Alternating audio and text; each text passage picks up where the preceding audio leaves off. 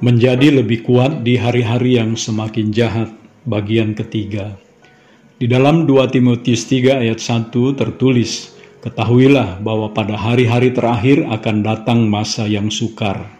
Kata sukar di dalam bahasa Yunaninya memakai kata kalepos, yang memiliki arti sulit ditanggung, merepotkan, berbahaya, keras, ganas, buas.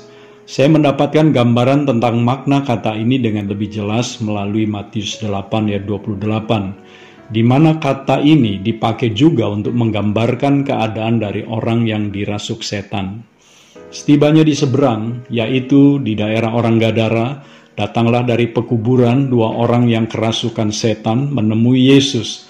Mereka sangat berbahaya, sehingga tidak seorang pun yang berani melalui jalan itu. Matius 8 ayat 28. Dua orang yang dirasuk setan ini dikatakan sangat berbahaya. Kata berbahaya di sini menggunakan kata Yunani kalepos.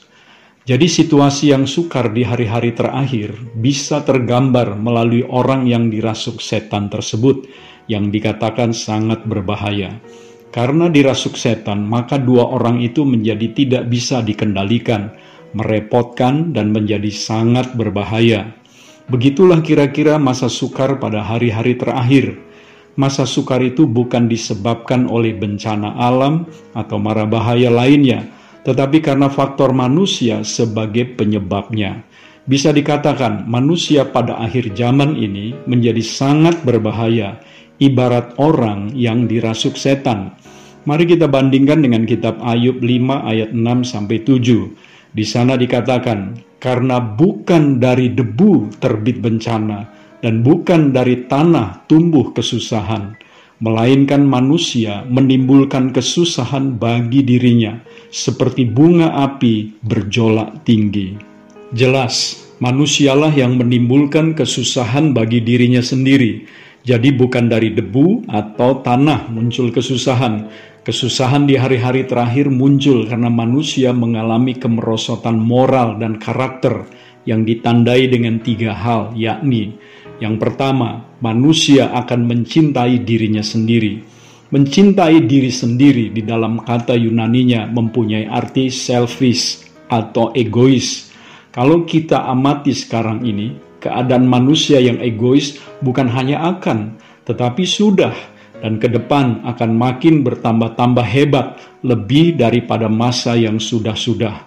Manusia seperti ini hanya berpikir tentang kepentingannya, keuntungannya, atau kebahagiaannya sendiri, bahkan tak peduli dirinya untung di atas kerugian orang lain, atau berbahagia di atas penderitaan dan kesusahan orang lain, seperti orang yang dirasuk setan, yang tidak ada orang lain bisa mencegah segala tindakannya Begitulah berbahayanya orang yang hanya mementingkan dirinya sendiri.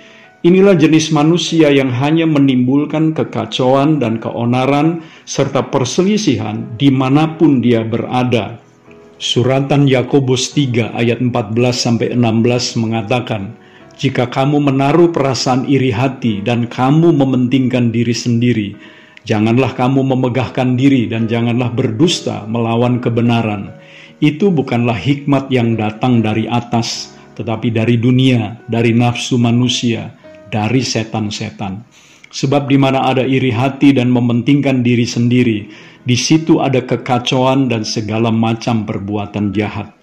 Kalau kita perhatikan pada ayat 15, maka sifat iri hati mementingkan diri sendiri datang bukan dari atas, tetapi dari nafsu manusia, bahkan dari setan-setan karena itu jelas sekali dikatakan, di mana ada iri hati dan mementingkan diri sendiri, di situ akan timbul kekacauan dan segala macam perbuatan jahat.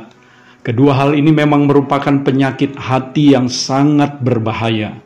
Saudaraku, kita perlu membuang watak yang sangat berbahaya ini. Watak ini menghalangi hubungan kita dengan sesama dan terutama dengan Tuhan. Jika kita ingin menjadi lebih kuat di hari-hari yang semakin jahat ini, Justru kita harus belajar bagaimana memperhatikan kepentingan orang lain, bahkan jika perlu dengan mengorbankan kepentingan diri sendiri. Mungkin saudara pernah mendengar nama Tung Desem Waringin, seorang pengusaha Ia mengatakan bahwa di saat pandemi COVID sekarang ini, di mana dia sendiri sempat terpapar, maka hal yang menyebabkan dia mengalami kesembuhan lebih cepat adalah sekalipun dia sedang sakit, tetapi ia belajar untuk terus memperhatikan kepentingan orang lain, memikirkan kebutuhan mereka, dan menolong mereka. Hal itu mendatangkan sukacita di dalam dirinya. Kalau kita membaca tulisan Dr. Lukas di dalam kisah para rasul 20 ayat 35, di sana ia mencatat perkataan Tuhan Yesus yang mengajarkan bahwa kebahagiaan hidup tidak didapat melalui menerima, melainkan dengan memberi. Saya percaya jika kita tidak mementingkan diri sendiri, melainkan belajar untuk lebih memperhatikan kepentingan orang lain juga, maka kita akan menjadi orang percaya yang lebih kuat di hari-hari yang sukar dan semakin jahat. Saya Theo Barahama, Bring Heaven Home, Tuhan Yesus memberkati saudara.